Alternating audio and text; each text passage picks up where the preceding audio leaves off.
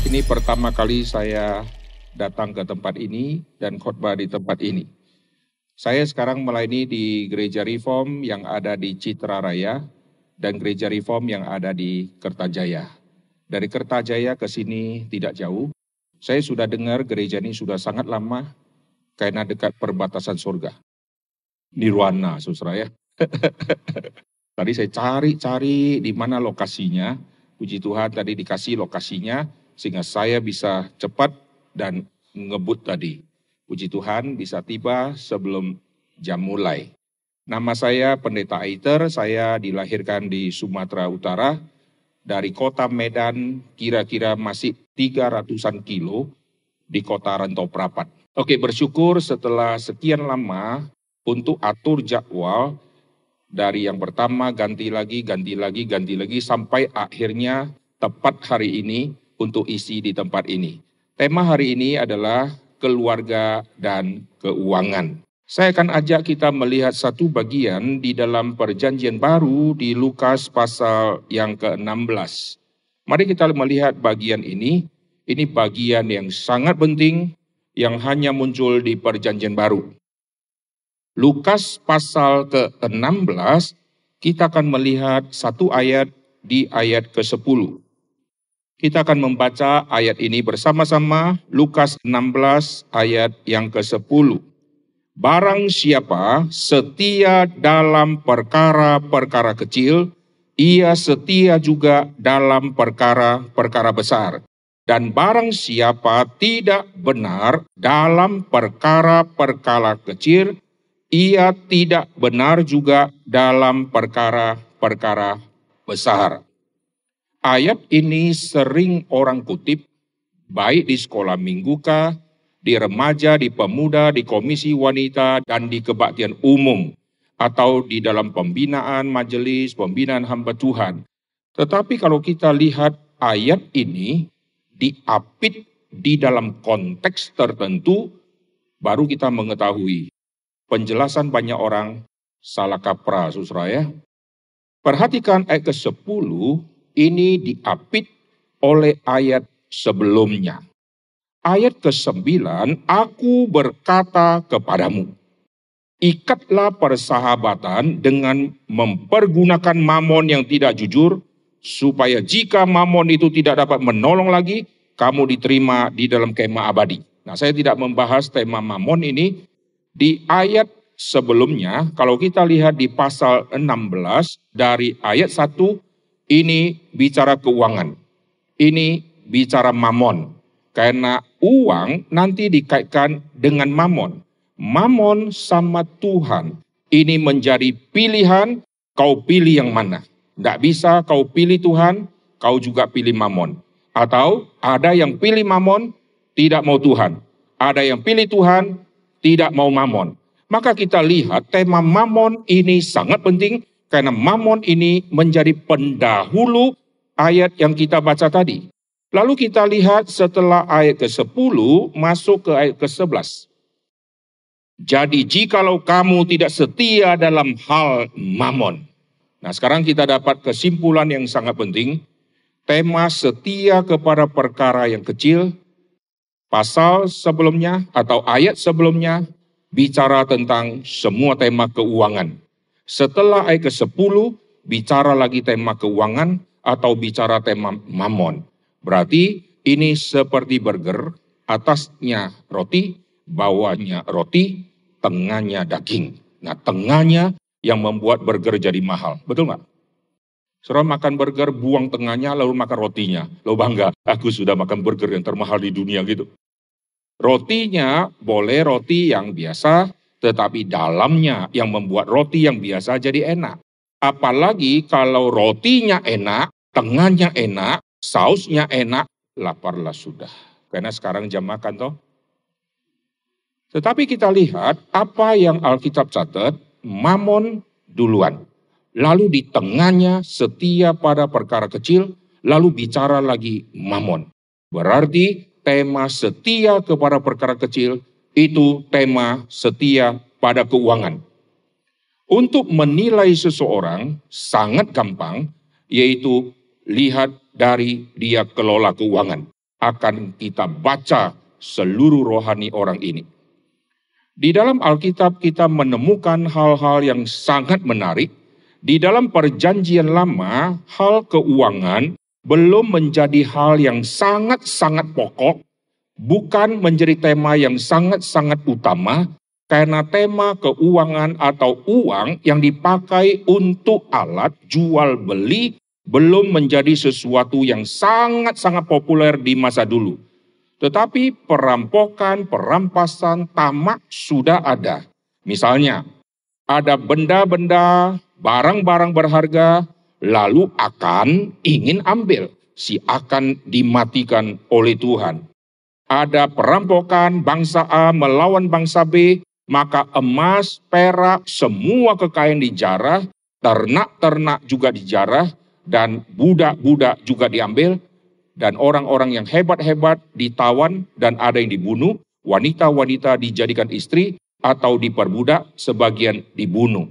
Mereka mengambilnya barang. Barang apa? Barang berharga, emas. Maka kuil yang ada itu penuh dengan emas, kuil akan dihancurkan, lalu patung-patung akan dicuri, karena patung-patung biasanya dilapis dengan emas, atau seluruhnya adalah emas maka kuil menjadi sasaran perampokan. Zaman sekarang kalau perampokan, rumah yang dirampok, kuil jarang, betul nggak? Gereja kalau dirampok, paling yang berharga piano dan keyboard dan sound system. Kursinya tidak pernah dilapis dengan emas, betul nggak? Kalau kursi dilapis emas, habis sudah. Baik suci yang dibangun oleh Salomo, kandilnya dari emas, maka kandil dirampok semua semua pekakas emas dirampok. Maka kita perhatikan di dalam zaman dulu, hal uang yang dipakai untuk jual beli dan seterusnya bukan menjadi hal yang sangat-sangat pokok, tetapi ternak, lalu harta benda, budak-budak, lalu kekayaan, lalu tanah, dan seterusnya. Ini yang menjadi hal yang sangat utama, maka terjadi keserakahan yang muncul sampai kepada perjanjian baru hal keuangan menjadi semakin menonjol keluar. Maka kita lihat di dalam perjanjian baru ada orang yang dimatikan oleh Tuhan karena keuangan, yaitu Ananias dan Safira. Ananias dan Safira mempunyai ladang, mempunyai benda yang bisa dia jual, mempunyai materi yang dia miliki yang akhirnya diuangkan. Setelah diuangkan, di situ terjadi ketidakjujuran. Saat itu dia mendustai Tuhan dan dimatikan oleh Tuhan. Di dalam perjanjian lama akan si akan itu serakah dan akhirnya dia harus mendapatkan hukuman dan harus dimusnahkan. Di dalam perjanjian baru pada hari turunnya Roh Kudus, tidak lama kemudian masuk ke pasal 5 kitab Kisah Rasul, maka terjadi pembunuhan yang dilakukan oleh Tuhan dengan mengambil nyawa Ananias dan Safira karena ada keuangan yang tidak jujur. Dan di zaman Tuhan Yesus, orang yang tidak jujur diam keuangan itu adalah Yudas Iskariot dan akhirnya dia memilih langkah hidup terakhir dengan gantung diri. Jadi ada apa dengan keuangan ini? Keuangan akhirnya mematikan Yudas Iskariot. Keuangan mematikan Ananias dan Safira. Kerakusan mematikan begitu banyak orang di dalam perjanjian lama dan perjanjian baru. Dan kerakusan terus ada sampai hari ini. Betul nggak? Sampai hari ini semua hal-hal materi belakangnya adalah duit. Semua hal-hal karir belakangnya adalah duit. Mau memulai keluarga belakangnya juga duit. Saya kasih contoh. Saya mau bisnis. Bisnis apa yang sekarang menguntungkan? Buntut-buntutnya duit. Kalau seluruh orang sudah lari ke online, saya kalau tidak online kan saya punya jualan, maka omset saya akan turun. Buntutnya duit. Setelah saya buat online kan, kenapa tetap gagal? karena saya kalah bersaing dengan musuh bisnis saya. Oleh sebab itu, bagaimana caranya saya harus hancurkan orang itu supaya bisnis saya tidak ada yang saingi. Buntut-buntutnya adalah habisi orang karena keuangan, karena duit. Kenapa istri suruh sniper membunuh si suami? Karena suami ada asuransi. Kalau suami mati, seluruh asuransi kalau digolkan dia punya tagihan karena ada suami yang mati, maka istri akan jadi konglomerat dan kaya raya. Akhirnya istri ditangkap, ketahuan, tidak jadi kaya raya. Akhirnya pakai baju orange. Kenapa ada tukang parkir membunuh tukang parkir? Karena lahan parkirnya diambil temannya, maka kehilangan omset dia di hari itu turun 50 ribu. Maka dia bunuh temannya itu. Sekarang kejahatan-kejahatan, kenapakah ada crazy rich itu? Yang kaya gila, sudah gila masih kaya gitu ya. Karena apa? Kerakusan dan duit. Duit dihambur-hamburkan. Duit dipajangkan. Barang ini berapa? Satu miliar. Murah? Ah, murah. Pendeta-pendeta sekarang juga terjebak di situ. Kalau tasnya belum yang bermerek, agak minder naik mimbar dia. Kalau jamnya atau cincinnya belum yang berkilau-kilau dan belum yang ori, dia merasa dia bukan anak Tuhan, saudara. Maka muncullah yang namanya pastor style dengan gaya yang gila-gilaan, dengan tas yang kalau dia foto bukan mukanya yang ditonjolkan, tasnya yang diangkat tinggi, saudara ya. Tasnya lebih bernilai daripada mukanya. Pada tas yang mahal, isinya paling tusuk gigi, tisu, lipstick, dan sisir. Tetapi wadahnya sampai berpuluh-puluh dan beratus-ratus juta. Karena apa? Karena ada kebanggaan saya berduit. Buntutnya adalah duit. Kita buka usaha Kenapa buka usaha ini? Karena untungnya banyak. Saya mau menikah, pasangan saya, papa mama kaya atau tidak. Wah kalau anak gadis saya dinikahkan sama cowok itu, lihat sepeda motornya. Wih luar biasa. Satu liter bisa 56 kilo. Wih hebat nih, motor apa nih? Jalan 500 meter, dorongnya 5 kilo. Wah, kalau begitu anak saya yang jadi istri dia akan setengah mati hujan lebat sedang dorong-dorong motor malu-maluin, tidak jadi. Wah, tapi kalau ada satu orang naik mobil Lexus, parkir di rumah, langsung kita intip dari jendela. Jadilah kehendakmu Tuhan. Anakku memang sudah tiba saatnya, Tuhan sudah menjawab doaku. Kenapa? Materi. Kita nak cek, itu harta papanya. Anak ini belum pernah kerja, hanya tahu pakai mobil papanya. Tapi orang tua yang mau serahkan anak gadisnya langsung aman. Kenapa? Karena melihat orang ini punya duit, keluarganya punya duit, masa depan anak saya akan terjamin. Lalu diserahkan untuk dinikahkan kepada laki-laki itu. Untuk mulai bisnis, buntutnya duit. Lalu untuk mulai keluarga, buntutnya duit. Untuk buka gereja, buntutnya juga duit. Maka kita lihat uang ini sudah masuk ke dunia bisnis, sudah masuk ke dunia keluarga, dan sudah masuk ke dalam dunia agama. Maka ada istilah co gereja, betul nggak? Wah, belum pengalaman co gereja gitu ya.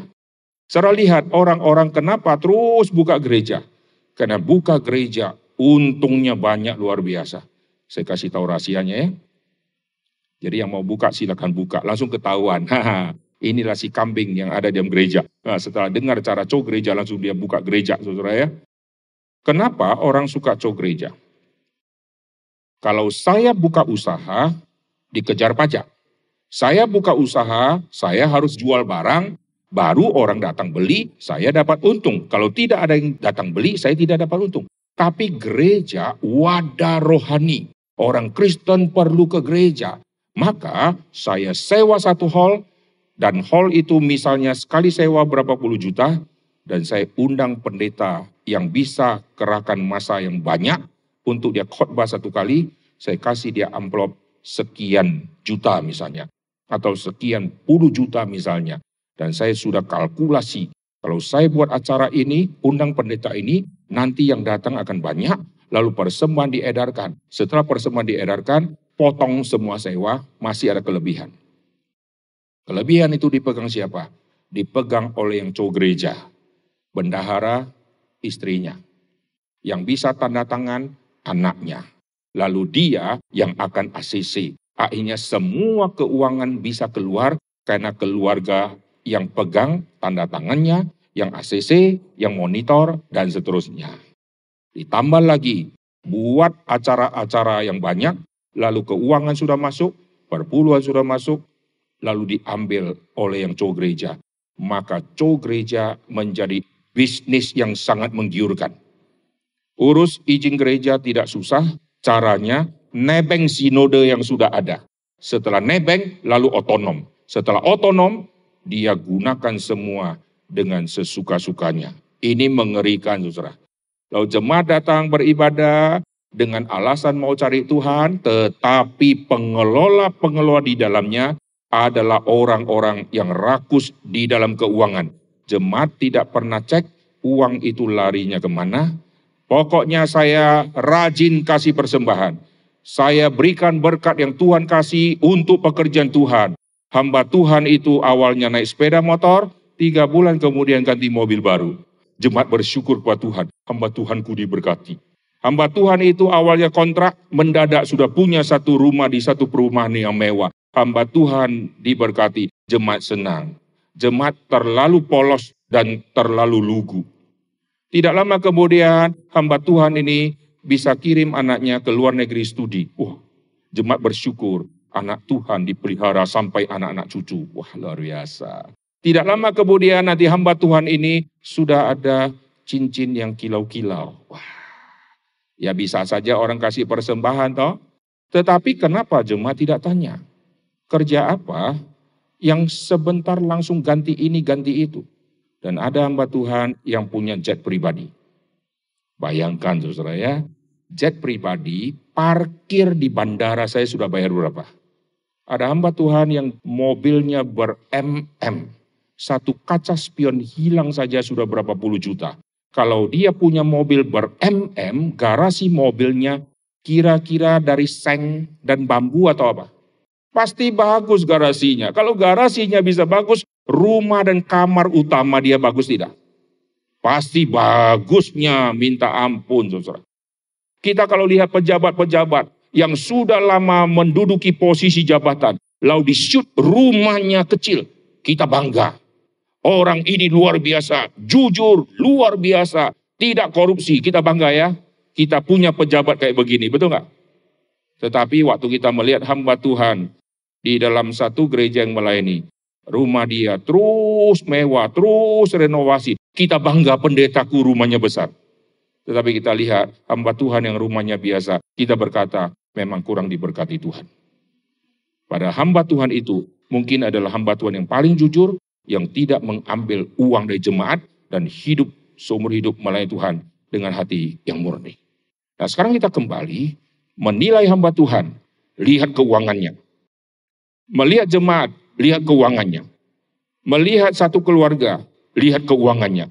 Jikalau di dalam keluarga si anak sudah jujur menggunakan uang, tidak usah saudara takut dilempar ke mana. Di jemaat saya berapa tahun lalu saya sudah umumkan. Semua anak sekolah minggu, dia kalau pergi ke sekolah, dikasih uang jajan sekian, dijumlahkan selama satu bulan. Jangan pelit hitungnya cuma 25 hari dia kerja. Eh dia ke sekolah. Hitung kalau satu bulan 30 hari, hitung 30 hari, lalu kasih uang jajan dia di tanggal satu Atau di tanggal akhir bulan untuk bulan berikutnya. Kasih dia pegang uang di depan. Sebelum dia pergi ke sekolah, dia sudah pegang uang satu bulan. Di situ kita menguji dia. Satu bulan uang jajan tidak besar. Kalau dia sudah setia di satu bulan uang sekolah, kelak kalau dia pegang 10 juta dan 100 juta, tidak usah khawatir, dia tidak setia. Amin. Maka sejak saya umumkan, ada yang setuju dia jalankan, ada yang tidak setuju. Maka yang tidak setuju dia rugi sendiri. Dan saya kerjakan untuk anak saya. Setiap sebelum ganti bulan, di akhir bulan itu saya sudah kasih untuk yang bulan depan. Dan saya kasih tahu mereka, kalian sisihkan untuk perpuluhan duluan. Dan mereka kerjakan sampai hari ini. Uang jajan satu bulan tidak besar. Lalu dia sisihkan untuk pekerjaan Tuhan, perpuluhan dia sudah sisihkan. Sisanya baru dia atur untuk jajannya, sisa berapa baru dia atur. Maka orang yang sudah mengutamakan Tuhan, dia dikasih bijaksana untuk kelola uang. Kenapa kita selalu kebobolan uang? Karena kita tidak setia uang untuk Tuhan duluan. Jikalau saya punya uang sudah didahulukan untuk Tuhan, yang milik Tuhan saya sudah serahkan ke Tuhan, Tuhan akan kasih bijaksana untuk mengatur sisa uang saya yang ada untuk sekian waktu bagaimana saya bisa gunakan. Di situlah Tuhan kasih bijaksana. Dan kalaupun nanti kita sampai kurang, kalau Tuhan mau memberkati kita, itu tidak ada yang bisa menghambat kita. Tetapi kalau kita sudah pelit sama Tuhan, jangan harap Tuhan akan membuka pundi-pundi yang baru untuk setiap kita. Gereja juga sama. Gereja yang tidak menggunakan berkat yang Tuhan kasih untuk disalurkan, maka Tuhan akan melihat orang ini seperti selang yang sudah dialiri sumber air, tetapi selang itu buntu di tengah, sehingga air itu tidak tersalurkan sampai ke ujung. Dan akhirnya Tuhan tidak lagi memberkati gereja seperti itu. Gereja-gereja kalau mau diberkati Tuhan harus setia di dalam keuangan. Jikalau berkat Tuhan yang Tuhan kasih kepada kita, waktu masih sedikit, kita sudah tidak setia. Bagaimana Tuhan kasih kepercayaan untuk mengelola hal yang besar dan Tuhan mau kasih yang besar? Kami di Reform, ini bukan bangga-banggaan Reform, tapi ini satu fakta. Heran sekali. Banyak gereja heran-heran. Di satu kota di Kalimantan, mereka mau dirikan gereja. Waktu itu saya ada di Kalimantan dan saya mendengar mereka mau buat janji iman. Janji iman dilakukan di restoran besar, undang orang-orang kaya makan, lalu dikasih renungan, Lalu orang kaya ditantang untuk memberikan janji iman pembangunan gereja. Pesta, makan. Firman Tuhan disampaikan, janji iman terkumpul satu miliar lebih. Bagus gak? Banyak ya. Keperluannya berpuluh-puluh miliar. Terkumpulnya satu miliar lebih. Kita di reform heran sekali. Gereja mau dibangun, perlu berapa puluh M, berapa ratus M. Waktu janji iman Tuhan berkati dan bisa terkumpul berpuluh-puluh M. Dan bukan hanya satu gereja. Dan terus menerus gereja yang akan dibangun. Terus ada, terus ada. Dan heran, kok bisa, kok bisa. Tuhan mempercayakan keuangan bisa tiba di reform. Ini heran saudara. Kami yang ada di reform, saya sendiri terheran-heran. Datang dari mana? Tuhan percayakan keuangan untuk kami dapatkan supaya kami salurkan. Akhirnya di dalam masa COVID kami dapat ber-MM sangat banyak. Kami salurkan juga ber-MM. Dua cabang kami sudah salurkan berpuluh-puluh M, saudara. Ini artinya Tuhan melihat waktu dikasih berkat sedikit, kita kerjakan dengan sungguh-sungguh. Dikasih berkat banyak, Tuhan lihat kamu setia. Maka Tuhan terus berkati dan Tuhan terus lakukan memberkati itu. Dan kami gentar karena kami seperti bendaharanya Tuhan. Uang ini kok bisa ada di kami? Tuhan titipkan untuk yang mana ya Tuhan? Akhirnya kami salurkan. Wah Tuhan berkati semua pelayanan-pelayanan kita. Waktu masa COVID, kita perlu kumpulkan uang untuk tim asikasi. Saya buat kelas PA dan terkumpul satu miliar lebih. Semua uang disalurkan ke tim asikasi Gere Pusat untuk disalurkan. Waktu badai seroja di Sumba, begitu banyak rumah hancur. Saya buat seminar khusus, PA khusus, tema diakonia. Di dalam berapa hari kelas PA, terkumpul satu miliar lebih. Semua tidak untuk pembicara. Saya pimpin PA mau berapa ribu kali nggak dapat honor apa pun. Dan semua uang yang lebih yang dapat itu semua diserahkan untuk pelayanan di Sumba dan serahkan untuk kerusakan Sumba, untuk pembangunan. Dan Tuhan berkati sampai hari ini. Kita tidak mati-mati. Amin. Rumah tangga juga sama. Saudara, ayah dan ibu gajinya sekian. Kenapa orang yang gajinya pas-pasan kok tidak mati-mati? Rahasianya bukan karena dia pintar membagi-bagikan uang untuk anak, lalu mengatur jajanan, mengatur beli beras, lalu cek harga di 15 mall. Beda 50 rupiah dia pergi sampai 15 kilometer. Itu ongkos transport saja sudah berapa, belum lagi tol, ya. Pokoknya dia dapat satu mall atau satu pasar yang paling murah, lalu dia berikutnya bisa irit-irit. Bukan itu, saudara. Kenapa dia uangnya pas-pasan dan dia bisa hidup dengan sukacita? Karena ada rahasia. Orang ini kalau kita selidiki, dia punya keuangan, dia pakai untuk Tuhan dulu. Maka kalau dia jalankan untuk Tuhan dulu, Tuhan tidak buta.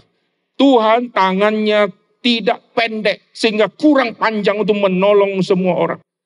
Tuhan tahu apa yang Tuhan mau kerjakan dan Tuhan tuntut untuk kita kerjakan. Maka Tuhan kasih berkat, kasih berkatnya kecil dulu supaya kita bertanggung jawab. Nah, sekarang kita kembali tentang keluarga dan keuangan. Di dalam keluarga perlu uang. Ayah perlu uang. Istri, papa, mama semua perlu uang. Tetapi ingat, waktu perlu uang, maka orang akan larinya cari uang. Begitu dia cari uang, maka dia akan menuju kepada memburu uang. Cari uang sama memburu uang, memburu uang ini adalah titik yang bahaya. Cari uang, saya perlu kerja, maka saya kerja, saya cari uang untuk saya bisa hidup. Dari cari uang akhirnya menjadi memburu uang. Alkitab mencatat satu kalimat yang sangat penting. Karena memburu uanglah mereka jatuh ke dalam banyak pencobaan. Memburu uang mereka jatuh di dalam jerat mamon. Cari uang, semua kita harus cari uang. Untuk apa? Karena kita perlu makan. Supaya tidak mencuri, saya harus cari uang. Tuhan jangan biarkan aku kelebihan dan kekayaan. Sehingga aku menista nama Tuhan. Aku tidak butuh Tuhan. Karena saya kaya, saya bisa hidup. Tuhan jangan biarkan aku miskin. Sehingga aku mencuri dan memalukan nama Tuhan. Itu kalimat yang muncul di kitab Amsal. Waktu aku kaya bisa bahaya. Waktu aku kaya aku bisa tidak mengandalkan Tuhan lagi. Waktu aku miskin, aku bisa menghina Tuhan karena aku mencuri. Oleh sebab itu, aku tidak boleh mencuri. Dan aku harus mencukupkan diriku dengan apa yang ada padaku. Jikalau Tuhan berkati aku, maka aku bersyukur kepada Tuhan. Tuhan berkati aku banyak, bukan aku boroskan banyak. Tuhan berkati aku banyak, maka aku harus lebih banyak menyalurkan. Itu yang benar. Tetapi sekarang yang terjadi, Tuhan berkati aku banyak, aku harus simpan lebih banyak. Untuk apa? Untuk diriku dan masa depanku dan masa depan anakku. Akhirnya orang terus simpan, terus simpan. Tuhan melihat, kau simpan ya, oke ya. Lumbung padimu tambah besar ya. Kalau malam ini ku cabut nyawamu. Untuk apa hidupmu? Menyimpan semua di lumbung? Ada orang yang tidak mau melayani. Dikasih kesempatan, sibuk. Saya tidak bisa karena kerja. Saya nggak bisa karena jaga toko. Oke, silakan lah tidak bisa terus. Dia simpan uang 10 juta sampai 500 juta. Wah dia simpan lagi, bisnis tambah banyak. Ke gereja pun tidak sempat lagi. Uangnya sampai miliaran. Bagus ya? Kaya ya? Mendadak difonis kena kanker. Dan harus kemo berpuluh-puluh kali. Sekali kemo. Tidak bisa kemo murah, harus pakai bahan yang mahal dan sekali kemo 100 juta lebih. Dan saat itulah dia hitung. Semua jeri lelah 20 tahun hanya berapa puluh kali kemo ludes habis. Kalau saya tahu akhir hidupku seperti ini, semua uang yang dulu aku dapat, aku sudah salurkan dulu. Kalau aku tahu hidupku kayak begini kelak, aku akan cepat-cepat melayani Tuhan waktu dulu. Tapi Tuhan tidak kasih tahu akhir hidup kita. Ini masalahnya. Kalau Tuhan singkapkan akhir hidup kita satu persatu, semua akan rajin, tapi rajinnya palsu. Saya akan mati digilas truk, hancur lebur. Uh, sekarang saya giat melayani, giat melayani, giat melayani. Oh, ketahuan giat melayani. Karena akhir hidup begitu mengerikan. Kalau saya matinya kena kanker, 15 tahun tidak mati-mati. Harta habis, wah sekarang rajin melayani. Wah, gereja belum buka, saya sudah tunggu di depan. Hmm, asyik. Uh, luar biasa. Masalahnya Tuhan tidak pernah kasih tahu akhir hidup kita. Tuhan izinkan, silakan lu gunakan hari-harimu untuk dirimu atau untuk Tuhan. Silakan kau pilih dengan kebebasanmu. Akhirnya kita pilih, kalau ada waktu aku melayani, kalau tidak ada waktu maaf. Pak Pendeta cari yang lain ya. Ini aku utuslah dia, gitu kan. Wah enak ya. Kita kabur terus, pokoknya kita hindarkan diri dari semua demi duit. Kita waktu belum ada kerja, Tuhan belum ada kerja, malu Tuhan. Tuhan berkatilah. Eh dia lamar. Diterima kerja. Apa yang dia lakukan setelah diterima? Hmm? Bersyukur ya, dapat kerja ya. Nanti setelah dia dapat kerja, bosnya berkata, minggu kita akan pakai untuk rapat. Karena satu-satunya hari yang kita bisa untuk rapat adalah hari minggu. Maka dia mulai mikir, ah Tuhan, bukan saya yang tidak mau loh Tuhan ya. Tuhan lihat sendiri ya, bos yang suruh ya. Tuhan hukum dia saja, bukan aku ya. Maka aku harus ikut rapat. Karena bos Tuhan, karena bos ini. Akhirnya minggu sudah tidak ke gereja, karena kerjaan dia. Lucu ya, belum dapat kerja, dia doa kepada Tuhan. Dapat kerja, dia tidak ke Tuhan, tetapi dia ke rapat. Lalu Tuhan tetap diam, biarkan orang ini. Lalu setelah kerja dia tidak nyaman, dia minta kepada Tuhan, Tuhan saya mau ganti kerja dengan gaji yang lebih tinggi. Tuhan kasih jawaban ke dia, silakan. Dan dapat yang lebih tinggi, gaji lebih tinggi, dikasih kerjaan lebih banyak lagi. Sehingga untuk keluarga menjadi berkurang, untuk gereja apalagi. Dan orang ini menerima anugerah Tuhan, lalu menolak anugerah yang lebih penting, yaitu anugerah pelayanan. Belum nikah, Tuhan kucing pun sudah dapat jodoh. Cecak di rumah sudah pasangan. Aku yang punya rumah belum Tuhan. Wah dia doa. Tuhan jawab doanya. Setelah dapat pacar, pacarnya tidak ke gereja, yang sudah jadi istri tidak ke gereja, lalu dia berkata, daripada jadi batu sandungan dan kami cerai lebih baik saya temani di rumah. Saya kami online. Loh, belum dapat pacar, dapat anugerah, sekarang dapat istri. Gara-gara dapat istri, akhirnya tidak ke gereja. Lalu waktu dapat anak, janji sama Tuhan kalau dapat anak aku akan bimbing anakku bawa ke rumah Tuhan. Setelah dapat anak, papa mama tidak ke gereja karena anak tidak bisa tidur setiap hari Sabtu. Lucu. Inilah manusia menerima anugerah untuk menolak anugerah. Waktu sudah kerja kerja kerja kerja kerja kerja, dia utamakan kerja karena apa? Karena ada materi yang didapat yaitu duit. Saya amati orang-orang kalau perusahaannya mengirim si suami pergi ke Hong Kong dua minggu karena dia karyawan berprestasi, dikirim ke Hong Kong untuk presentasi produk. Tidak ada istri yang histeris, marah, lalu minta pendeta konseling. Malah suami yang pergi didukung si istri. Istri-istri kain baju si suami. Rapikan kerahnya, dada di rumah, antar ke airport misalnya.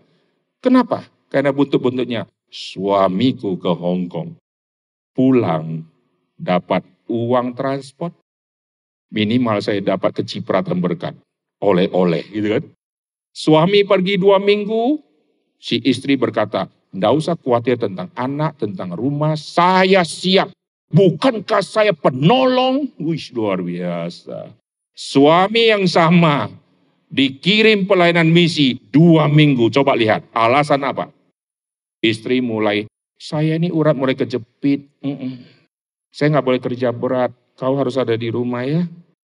Anak-anak ini malam kerjain PR kalau suami tidak ada, hanya suami yang bisa ngajar. Mulai alasan banyaknya luar biasa. Nanti kalau saya rumah dimasuki maling bagaimana? Alasannya banyak, pada sama-sama pergi dua minggu, betul nggak? Ayo jujur.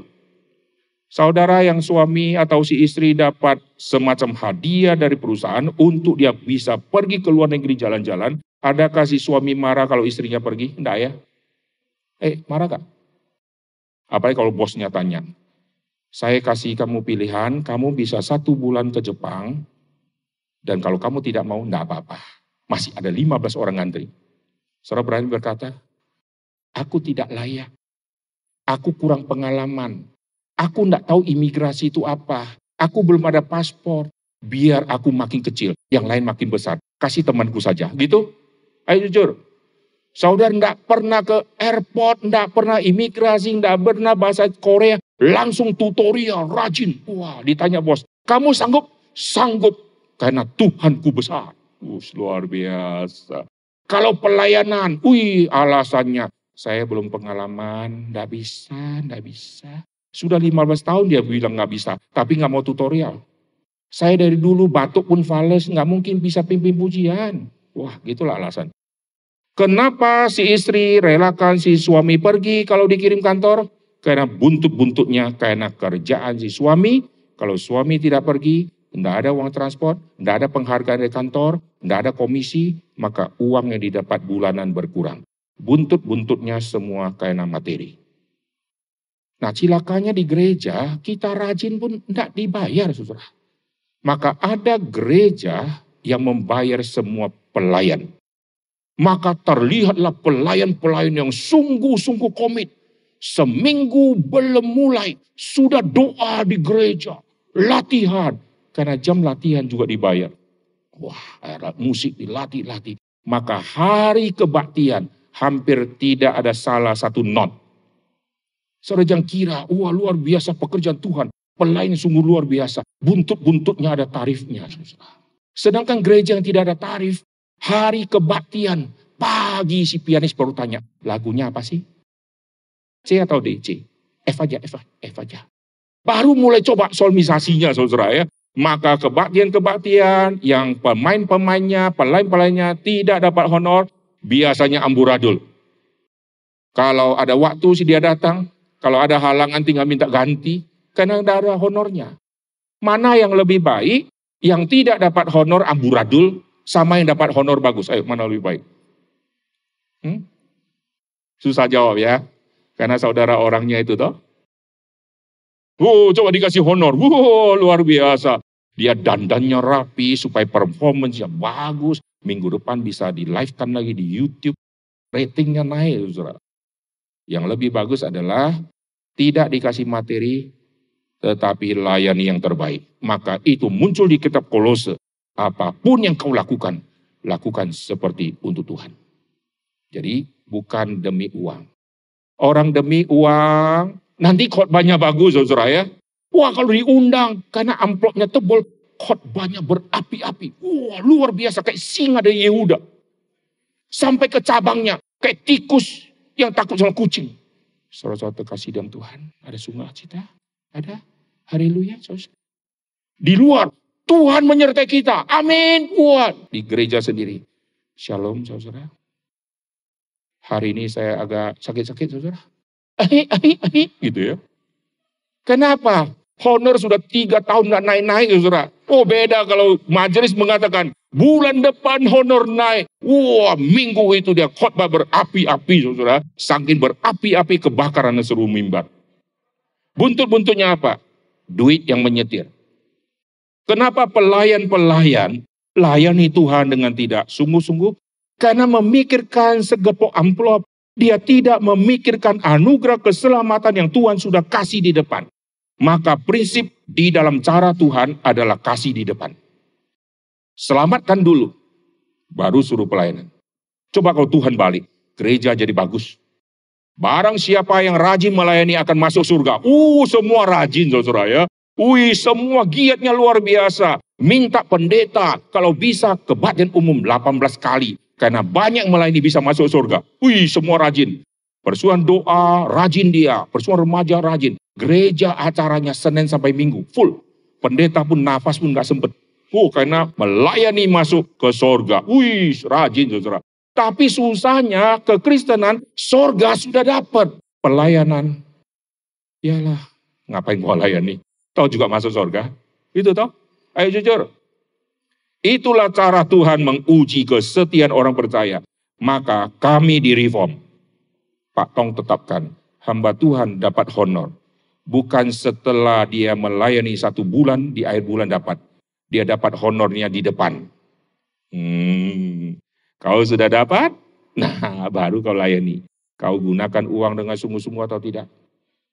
Prinsip reform, anugerah mendahului responnya manusia.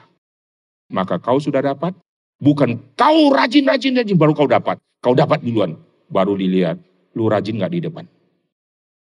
Saudara kalau nginap di hotel, ada orang yang membantu saudara rajin misalnya ya, si office boy-nya terus satu orang itu.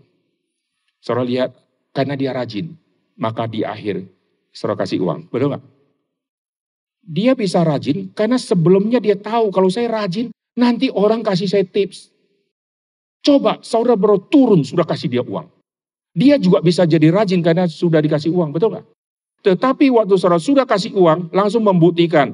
Lu nanti berikutnya rajin datang ke kamarku karena sudah dapat uang. Atau lu sungguh-sungguh rajin meskipun uang kau sudah terima atau tidak ada uang pun kau akan rajin. Kalau orang itu setelah dapat uang, dia pikir ngapain gua rajin lagi. Oh nanti akhir tidak dapat tips lagi, betul nggak? Maka ketahuan, lu office boy yang palsu. Tetapi kalau dia sudah rajin, kita kasih tips. Wah karena dia rajin cap jempol. Jangan kita senang. Karena setiap hari dia sudah dapat tips kayak begini. Dan dia sudah tahu, kalau saya terus rajin, terus rajin, maka nanti saya dapat tips. Sekarang dia dapat tips sebelum dia rajin. Maka dia mulai pikir, ngapain gua rajin lagi? Orang ini bodoh. Saya belum bantu-bantu dia, sudah kasih uang segepok. Kalau begitu saya pura-pura kabur saja.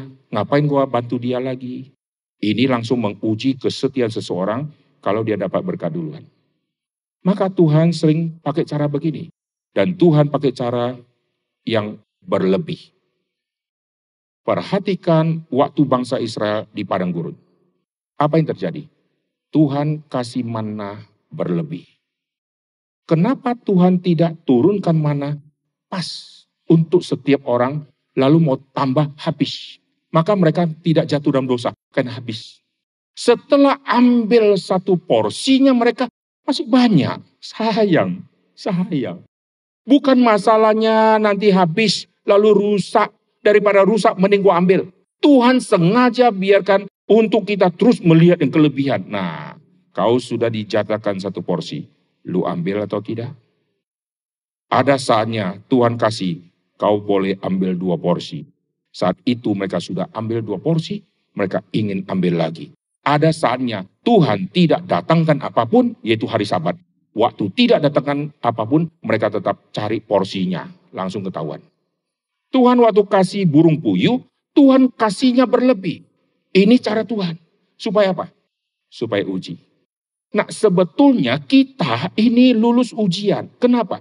Karena kita di dalam hidup ada hal yang berlebih kita lulus. Tetapi nanti untuk keuangan kita selalu gagal. Apa maksudnya di dalam hidup ada yang lebih dan kita lulus? Contoh, saudara sudah tersesat di hutan, seru hausnya luar biasa. Seru ketemu satu paret yang airnya jernih. Setelah suruh minum, masih banyak airnya. Suruh minum lagi nggak? Daripada mubajir, buat telan terus. Mampus kita, betul nggak? Kita setelah minum, kita bersyukur biarkan yang lebih tidak akan menggoda aku. Betul nggak? Ayo siapa yang sudah minum, sudah kenyang masih lihat air banyak. Sayang ya, kau minum lagi ah. Terus duduk di situ terus minum. Lalu sampai dua bulan terus minum. Supaya airnya habis dan tidak mubazir. Kita tahu stop. Tapi untuk keuangan, kita nggak bisa stop.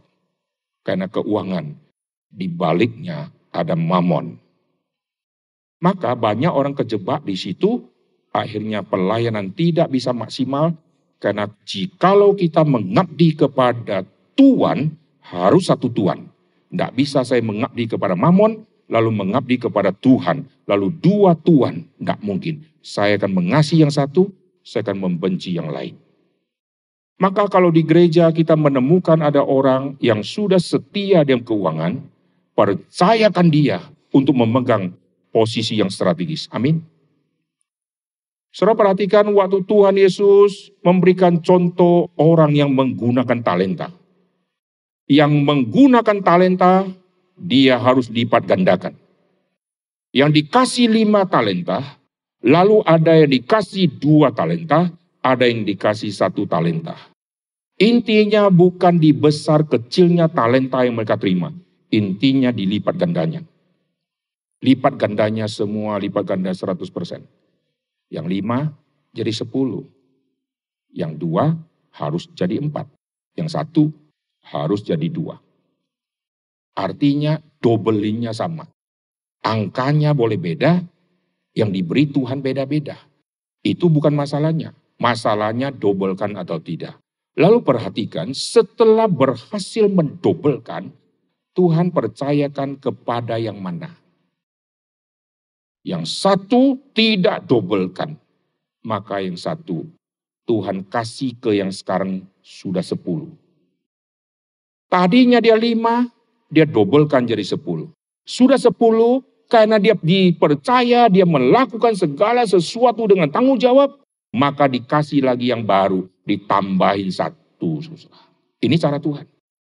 Barang siapa setia kepada perkara kecil, dia akan dikasih perkara yang besar. Jadi anak kita belum melayani di gereja, Saudara latih dia setia di dalam rumah diam keuangan. Siapa yang sangka suatu saat di gereja dia jadi bendahara di remaja. Siapa yang sangka setelah dia dewasa dia menjadi bendahara di gereja Tuhan yang keuangannya lalu lalang bermiliat-miliat. Siapa yang sangka setelah dia nikah dia mendapatkan suami yang bisnisnya sangat luar biasa dan dia pengelola keuangan yang luar biasa jujur. Siapa yang sangka? Maka saudara mesti temukan orang-orang seperti itu di dalam gereja dan di dalam keluarga. Untuk temukan dalam keluarga, saudara mulai harus kasih tanggung jawab kepada anak. Kasih satu bulan uang sekolah. Lihat dia gunakan di besok dan lusa seperti apa. Setelah saya latih anak saya seperti itu, mereka tabung-tabung, mereka beli tas sendiri. Ada kebanggaan dia bawa tas. Dalam hati saya, itu uang papa tetapi mereka bangga karena uang jajan yang dia simpen-simpen, lalu dia bisa beli. Lalu waktu saya ulang tahun, mereka kumpul uang sendiri.